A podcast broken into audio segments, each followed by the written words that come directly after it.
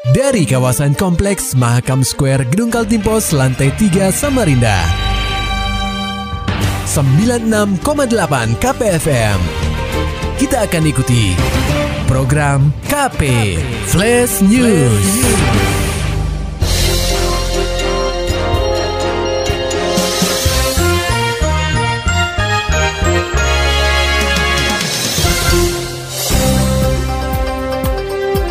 Bupati Berau Muharam tutup usia dikebumikan di Balikpapan. Laporan selengkapnya disampaikan reporter KPFM Samarinda, Maulani Alamin. Pendengar KP, Bupati Berau Muharam dikabarkan meninggal dunia pada Selasa 22 September 2020. Almarhum meninggal dunia di RS Pertamina Balikpapan setelah menjalani perawatan akibat COVID-19 yang dideritanya. Gubernur Kaltim Isranur lewat akun Instagram resmi Pemprov Kaltim menyampaikan rasa bela sungkawa atas kematian orang nomor satu di Berau itu.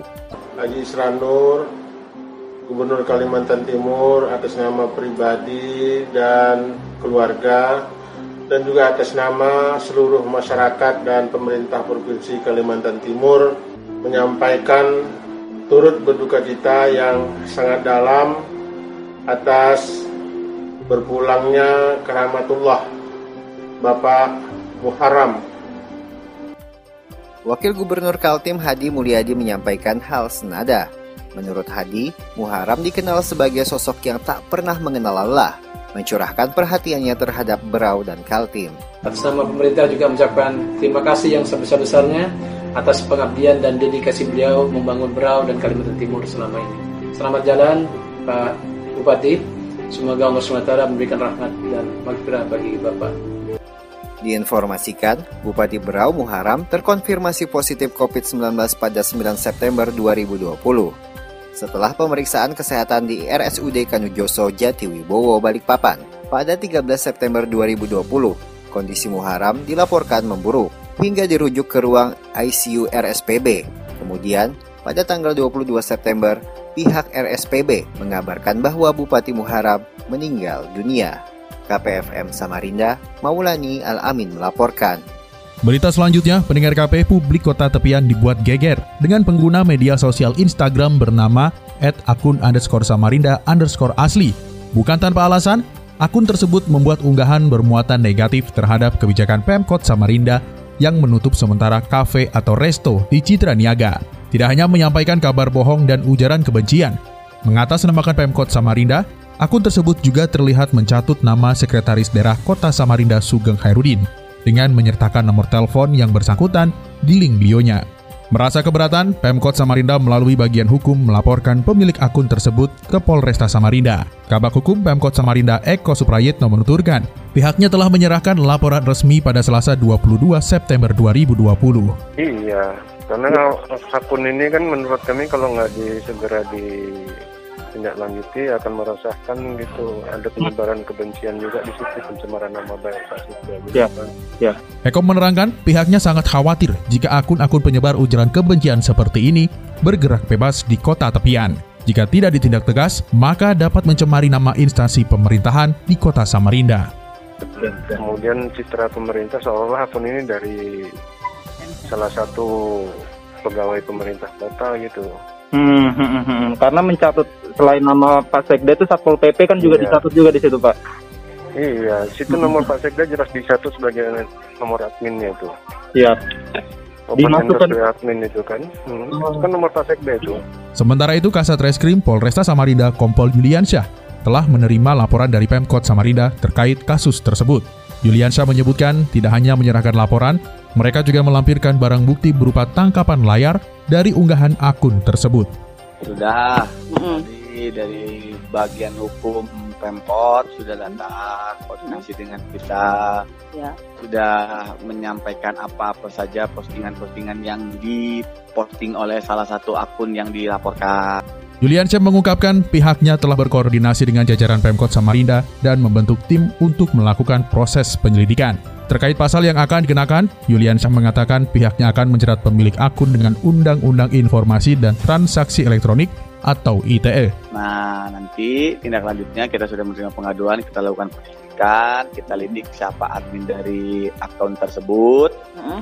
Nah, baru nanti kita akan coba gelarkan, kita sak kita periksa juga saksi ahli karena ini akan masuk ke dalam ITE. Mm-hmm. Apakah nanti itu masuk ke dalam ujaran kebencian atau mm. masuk ke dalam penghinaan atau uh, pencemaran? Nanti mm. biar hasil penyelidikan lah yang menentukan. Namun, Yuliansyah beserta jajarannya akan memanggil saksi ahli terlebih dahulu untuk menentukan pasal mana yang akan dikenakan oleh pemilik akun tersebut. Pendengar KP, Perhimpunan Insan Perunggasan Rakyat atau Pinsar Indonesia mendorong masyarakat agar terus meningkatkan konsumsi ayam dan telur. Maka dari itu Pinsar Kaltim akan menggelar kegiatan Hari Ayam dan Telur Nasional atau HATN. Acara tersebut rencananya dihelat tahun 2020 ini di Samarinda Kaltim. Untuk kegiatan kali ini, Pinsar Nasional dan Pinsar Kaltim akan bekerja sama dengan media terbesar di Kaltim, yaitu Kaltim Post Group. Selain webinar, akan digelar juga talk show di radio KPFM 96,8 FM dan Samarinda Televisi atau STV. Pelaksanaan kegiatan berlangsung selama dua hari, yaitu diawali dengan talk show radio dan TV berlangsung pada Rabu 14 Oktober 2020, kemudian keesokan harinya, Kamis 15 Oktober 2020, digelar webinar dengan dua sesi. Ketua Panitia Pusat HATN 2020, Riki Bangsa Ratu menjelaskan, tema sesi pertama yaitu gizi ayam dan telur, tingkatkan imunitas dan tema sesi 2 yaitu prospek bisnis dan upaya meningkatkan daya saing perunggasan nasional. Sebagai narasumber di antaranya adalah FAO Ektat Indonesia, Alfred Kompudu, dari Direktorat Jenderal Peternakan dan Kesehatan Hewan, Dr. Hewan Yunita, Kepala Dinas Peternakan dan Kesehatan Hewan Provinsi Kaltim, Dadang Sudarya, Riki Bangsaratu dan Bambang Soeharno dari Pinsar Indonesia dan Pinsar Kaltim. Sebagai moderator, panitia mengundang Ovi Dwi Natalia, yang merupakan Putri Indonesia Jambi 2019 yang juga dinobatkan sebagai Duta Ayam dan Telur periode 2018-2021. Diharapkan masyarakat bisa ikut serta dalam webinar ini, terutama dari kalangan peternak unggas, stakeholder peternakan Kaltim, Asosiasi Obat Hewan Indonesia atau ASOHI, Perhimpunan Dokter Hewan Indonesia atau PDHI, Dinas Peternakan, Dinas Kesehatan, kalangan mahasiswa, PKK, Dharma Wanita, dan masyarakat umum lainnya. Teknis mengenai kegiatan webinar lebih lanjut akan diinformasikan melalui Kaltimpos, Radio KPFM, STV, Prokal.co, dan Selasar.co. Beralih ke berita selanjutnya, seorang pelajar SMK berinisial MD tertangkap tangan mengedarkan ganja oleh jajaran Polsek Sungai Pinang. Laporan selengkapnya akan disampaikan oleh reporter KPFM Samarinda, Muhammad Nur Fajar. Pendengar KP, seorang remaja tanggung berinisial MD harus merasakan dinginnya jeruji besi Hal ini terjadi lantaran MD tertangkap tangan oleh jajaran Polsek Sungai Pinang akibat mengedarkan narkotika jenis ganja pada Minggu 20 September 2020 sekitar pukul 3.00 waktu Indonesia Tengah.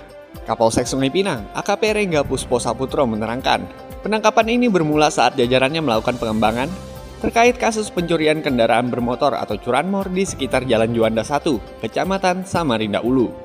Jadi pelaku masih pelajar menjual ganja kami amankan pada hari Minggu, tanggal 20 September pukul 03.00 Wita, yang pada awalnya berawal dari penyidikan anggota melakukan penyidikan curamor pada saat ditemui sepeda motor.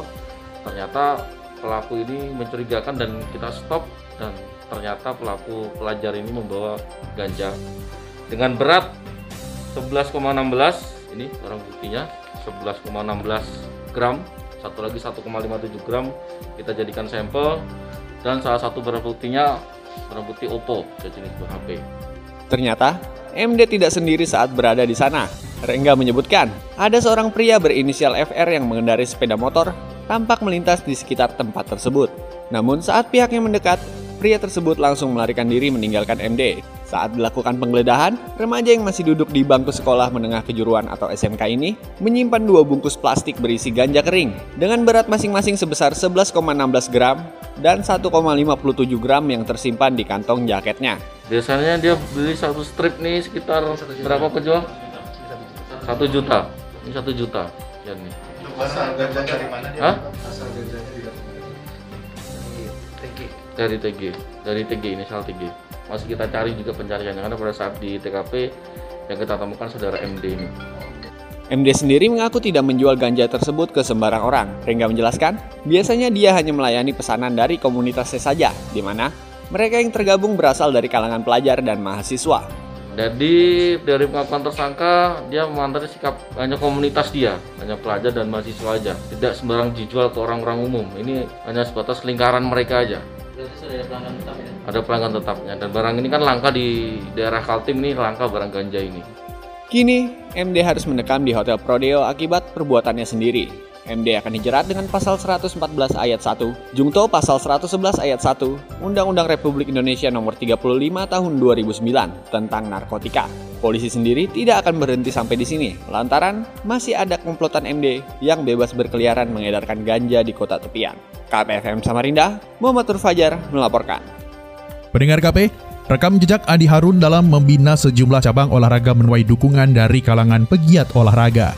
Dukungan tersebut dihadirkan untuk memenangkan Andi Harun Rusmadi dalam Pilwali Samarinda 2020. Masyarakat olahraga sahabat Andi Harun Rusmadi atau Mosa HR terbentuk karena sosok Andi yang kerak aktif dalam dunia olahraga di Kaltim, terutama Samarinda. Ketua Mosa HR Zulkarnain menerangkan terbentuknya organisasi tersebut lantaran keinginan masyarakat olahraga di kota tepian agar pemimpin Samarinda ke depan adalah Andi Harun. Dia menyebutkan dukungan tersebut sudah bulat. Karena sosok Pak Andi Harun ini kan selain dia ketua cabur, sukses membina taekwondo, prestasinya ada, bisa sukses membangun gunung padepokan taekwondo, bahkan diakui sama diakui nasional, diakui sama Popo. Senada, Dewan Pengarah Mosaher Ahmad Albert mengatakan, Mosaher terbentuk karena mereka menilai hanya Andi Harun figur yang peduli terhadap olahraga. Menurut dia, Andi Harun adalah figur yang dapat membangun olahraga Samarinda menjadi lebih baik. Kenapa ini timbul? Ya karena kita ngeliat figur. Siapa orang yang peduli terhadap pembinaan olahraga dan prestasi? Tidak ada. Kenapa sosoknya harus kita ambil? Ya karena sosoknya adalah salah satu tokoh. Tokoh sentral yang bisa membangun olahraga ini ke depan lebih baik. Diinformasikan, calon wali kota Samarinda Andi Harun pernah membina cabang olahraga taekwondo dan catur. Maulani Alamin, Muhammad Nur Fajar, KPFM Samarinda. Dapatkan berita-berita selengkapnya di www.968kpfm.co.id. Demikian tadi telah kita simak rangkaian berita-berita yang terangkum dalam program KP Flash News. Persembahan dari 96,8 KPFM. Terima kasih dan sampai jumpa.